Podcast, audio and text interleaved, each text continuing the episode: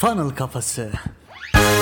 Merhabalar, Funnel Kafası Podcast serisi 13. bölüme hoş geldiniz. Ben Emre. Ben Hasan. Bu bölümde sizlerle Einstein'ın dünyanın 8. harikası dediği, biz farkında olmasak da hayatımızı yöneten işletim sistemi olan birleşik etkiden bahsedeceğiz. Öncelikle her zaman olduğu gibi nedir bu birleşik etki? Onunla başlayalım. Görünüşte önemsiz gibi gözüken eylemlerden büyük ödüller kazanmamıza yarayan bir kainat kanunu diyebiliriz. Ölçene kadar bir şey geliştirmek mümkün değil malumunuz. Şimdi örnekler verdikçe bu birleşik etkinin kafanızda net olarak oturmasını istiyorum. Mesela bir örnek verelim. Biz şimdi bir podcast serisi çekiyoruz değil mi? Bunun hayatımıza ve işimize nasıl etkileyeceğinin henüz farkında değiliz. Şöyle belki bir 100 bölüm çektiğimizde, 150 bölüm çektiğimizde bizim hem piyasadaki yerimiz anlamında, hem işimize yansıması anlamında, hem bilinirliğimiz anlamında hiç farkında olmadığımız imkanlara kapı aralayacak. Henüz bunu bilmiyoruz. Belli bir süre sonra işte yaptığımız hem podcast serilerinin hem de fanlı kuruyoruz canlı yayınlarının bize nasıl bir birleşik etkisi sağladığını ölçebileceğiz. Ama o noktaya gelene kadar ölçümleme yapamayacağımız için hayatımızdaki etkisini görebilmek mümkün değil. Bu arada Emre abi dinleyicilerimiz de şunu fark edecektir. Biz bu podcast serisinde veya funnel kuruyoruz canlı yayınlarında anlattığımız hiçbir şeyi teoride bırakmıyoruz. Yani size bir şeylerin teorisini verip böyle yapın dedikten sonra kenara çekilme gibi bir şey söz konusu değil. Size söylediğimiz her şeyi biz burada deneyimliyoruz ve sizler de bu süreci bizimle beraber yaşıyorsunuz. Evet, zaten bunun önemli olduğunu her zaman söylemeye çalışıyoruz. Biz yaptığımız şeyi yani yaparak gösterme taraftarıyız ve elimizden geldiği kadar da buna gayret ediyoruz. İşte bahsettiğimiz birleşik etkinin de hayatın aslında her alanında bir sürü örnekleri var. Ama önce size şunu hatırlatmak istiyorum. Bu yanılgıya, biraz önce bahsedeceğim yanılgıya biz de çokça düşsek de bunu kendimize sürekli hatırlatmamız lazım. Bizim artık daha fazla bilgiye ihtiyacımız yok. Yeni bir eylem planına ihtiyacımız var. Eğer siz hayatınızdaki bu etkiyi görmek istiyorsanız küçük seçimler yapacaksınız. Mükemmel olmayan eylemlere başlayacaksınız ve tutarlı bir şekilde bu eylemleri zamana yayarak birleşik etkinin nasıl sonuçlar getireceğinin farkında olacaksınız. Mesela şimdi bu konuyla alakalı birkaç örnek vererek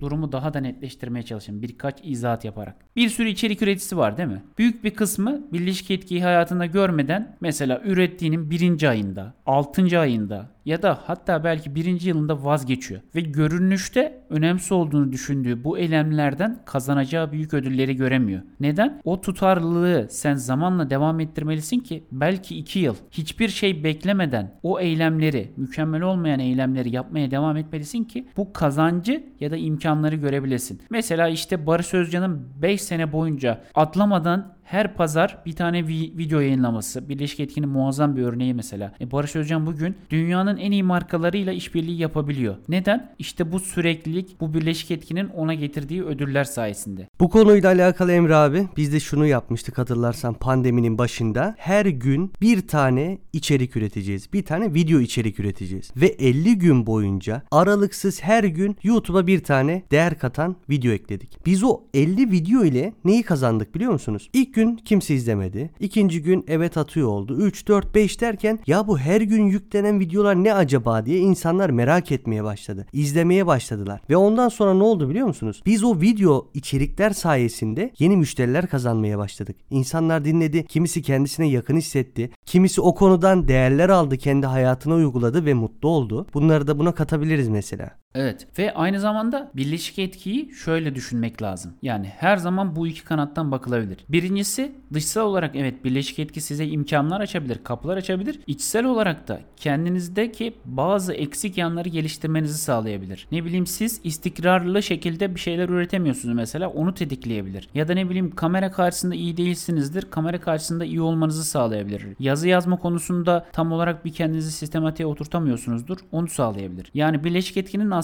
hem size bakan yönüyle hem de dışarıya bakan yönüyle birçok da faydası var. Şimdi ben ne yapayım size kafamızda daha iyi oturtabilmek adına müşteri ilişkilerinden ve aile ilişkilerinden birer birer tane örnek vereyim. Mesela siz diyelim ki yeni bir startupsınız, yeni bir girişimsiniz. Az sayıda müşteriniz var. Sizin her bir müşteriye işte küçük küçük jestler yapmanız, kibarlıklar yapmanız, onlarla tek tek ilgilenmeniz, onları tek tek aramanız. Hatta böyle bir tane işte diyelim müşteri sizi bıraktı ya da işte ürünü iade etti. Onu arayıp acaba sebebi nedir diye vesaire diye böyle ölçeklenemeyecek şeyler yapmanız aslında birleşik etkinin çok muazzam bir örneği. Siz bunu belirli bir süre tekrar ettiğiniz zaman o sizden mutlu olan müşterilerin başka birilerine işte size anlatacak. Onlar başka birilerine vesaire. Bu sayede aslında sizin doğal bir şekilde müşteri portföyünüz gelişecek. İşte Paul Graham bu da güzel bir örnek olsun buraya. Paul Graham yazar ve yatırımcı biliyorsunuz. Y Founder'ın kurucusu. Şöyle diyor. Bir girişimin başındaysanız ölçeklenemeyen şeyler yapın. İşte birleşik etki aslında bununla oluşuyor. Ölçeklenemeyen şeyler yaptığınız zaman oluşuyor. Mesela siz her müşteriyle şirketiniz büyüdüğü zaman birebir konuşamayacaksınız. Ama en başta yapabilirsiniz. Ne bileyim işte sürekli Instagram'dan içerik yayınlıyorsunuz. Daha kanalınız işte ne bileyim ya da profiliniz yeni. Herkesin sorularını tek tek cevaplıyorsunuz. Yorumlarını tek tek cevaplıyorsunuz. Bu normalde ölçeklenemeyen bir şey. Ama bu size bir sene sonra muazzam getiriler sağlıyor. Aynı bunun gibi düşünün. Bunu sağlayabilmek için biz ne yapacağız? Bu küçük, önemsiz gibi görünen eylemleri tutarlı bir şekilde devam ettirerek en nihayetindeki büyük ödüllere doğru kendimizi hazırlayacağız. Başka bir örnek. Yine bu da aile hayatımızdan olsun. Siz diyelim ki çocuğunuza sürekli kitap okuyorsunuz. Mesela benim kayınbiraderim yani küçüklüklerinden beri her akşam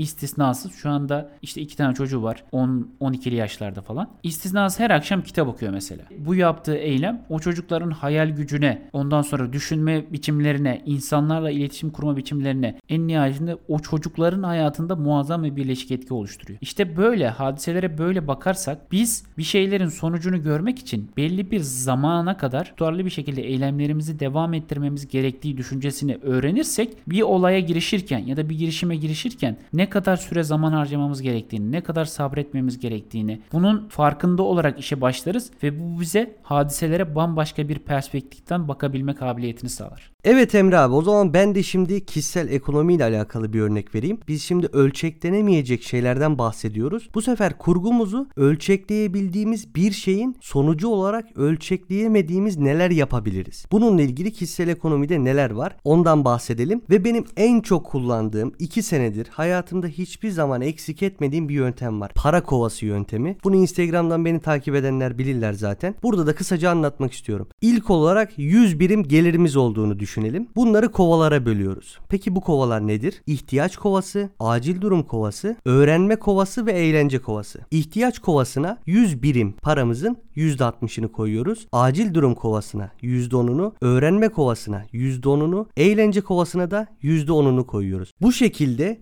nereye nasıl para harcayacağınızı görmüş oluyorsunuz. Kendi kişisel ekonominizle birlikte. Ve siz eğer %10'luk dilim öğrenme kovası demiştik ya. O öğrenme kovasına paralarınızı aktardıkça orada bir birikim olacak. Ve bu birikimle aldığınız bir eğitim, okuduğunuz bir kitap ya da gittiğiniz bir eğitim size ölçekleyemediğiniz bir kazanç sağlayabilir. Bir getiri getirebilir. Yani bunu önceden planlamamış olabilirsiniz. Yani para kovanızı oluşturup onlara yatırım yapın. Yeteri kadar bekleyip tutallama küçük eylemleri sürdürdüğünüzde varlığınızı arttırmamanız için hiçbir sebep yok. Aslında bu benim bahsettiğim her şey momentumu da kapsıyor. Momentum temelde neyi ifade ediyordu? Hareket halindeki nesneler hareket halinde kalmaya eğilimlidir. Ve momentumun en zor kısmı başlangıçtır. İşte siz birleşik etkiyi görebilmek adına başlangıcı yapıp sonra o momentum ile ilerlerseniz göreceğiniz etki ve alacağınız ödüller de bir momentum oluşturacaktır zaten. Bugün bizim de derinden benimsediğimiz çok önemli bir mantalite prensibinden bahsediyoruz burada. O yüzden kendinize şu soruyu sorun. Herhangi bir şekilde beklenti içerisine girmeden 2 sene boyunca YouTube'a video yükleyebilir miyim? 2 sene boyunca blog yazısı yazabilir miyim? 2 sene boyunca her gün bir müşterime aldığı hizmetten memnun olup olmadığını sorabilir miyim? Eğer bunları yapamayacaksanız eylemlerinizi değiştirmenin artık zamanı geldi. Bizler hızlı ve kısa yoldan işleri yapmak, zengin olma, sonuç elde etme taktiklerine odaklanırken hayatımızı yöneten bu işletim sistemini kaçırıyoruz. Birleşik etki için şunu da söyleyebiliriz aslında. İnsanın yola çıkarken veya bir işe başlarken kesinlikle bilmesi gereken bir mantalite örneğidir bu. İşte birleşik etkiyi kullanırsanız ödülleri göreceksiniz ve bunun için tutarlılık ve zamana ihtiyacınız olduğunu bileceksiniz. Belki en başta her bir müşteriyle tek tek ilgileneceksiniz. Belki bir yıl boyunca YouTube kanalınız 10.000 aboneyi geçmeyecek. Belki bir yıl boyunca yazdığınız blog yazısını sadece 1000 kişi tarafından okunacak. Ama orada vazgeçerseniz büyük ödülü hiçbir zaman alamayacaksınız. Peki tamam Hasan,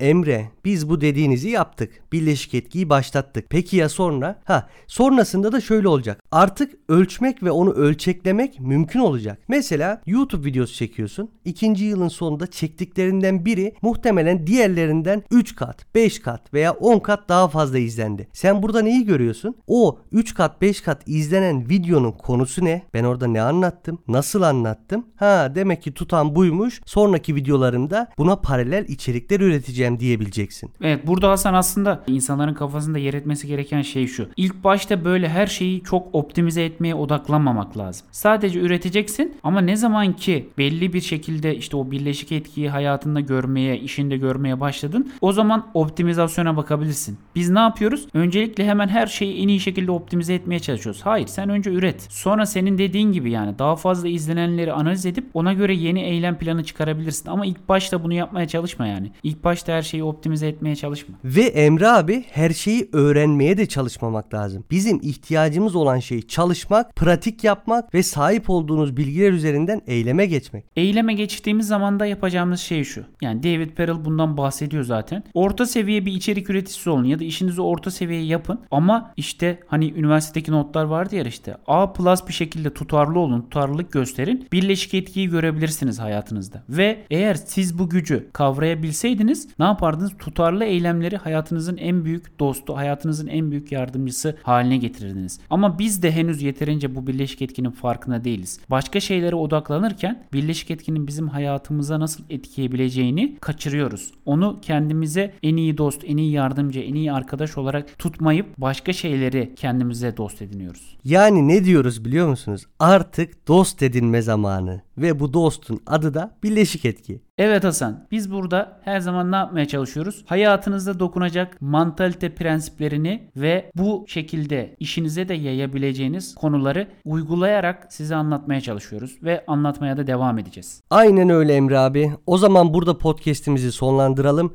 Eğer bana ulaşmak isterseniz Instagram Hasan Bolukbas 2S ile Twitter'da keza aynı şekilde. Bana ulaşabilirsiniz, takip edebilirsiniz. Sorularınız varsa sora- sorabilirsiniz. Bana da Instagram ve Twitter'dan ED Doğaner kullanıcı adıyla ulaşabilirsiniz. O zaman ne diyoruz Emre abi? Fanın kafasından uzak kalmayın. Ve unutmayın bu hayatta hepimiz birer satıcıyız. Kendinize iyi bakın.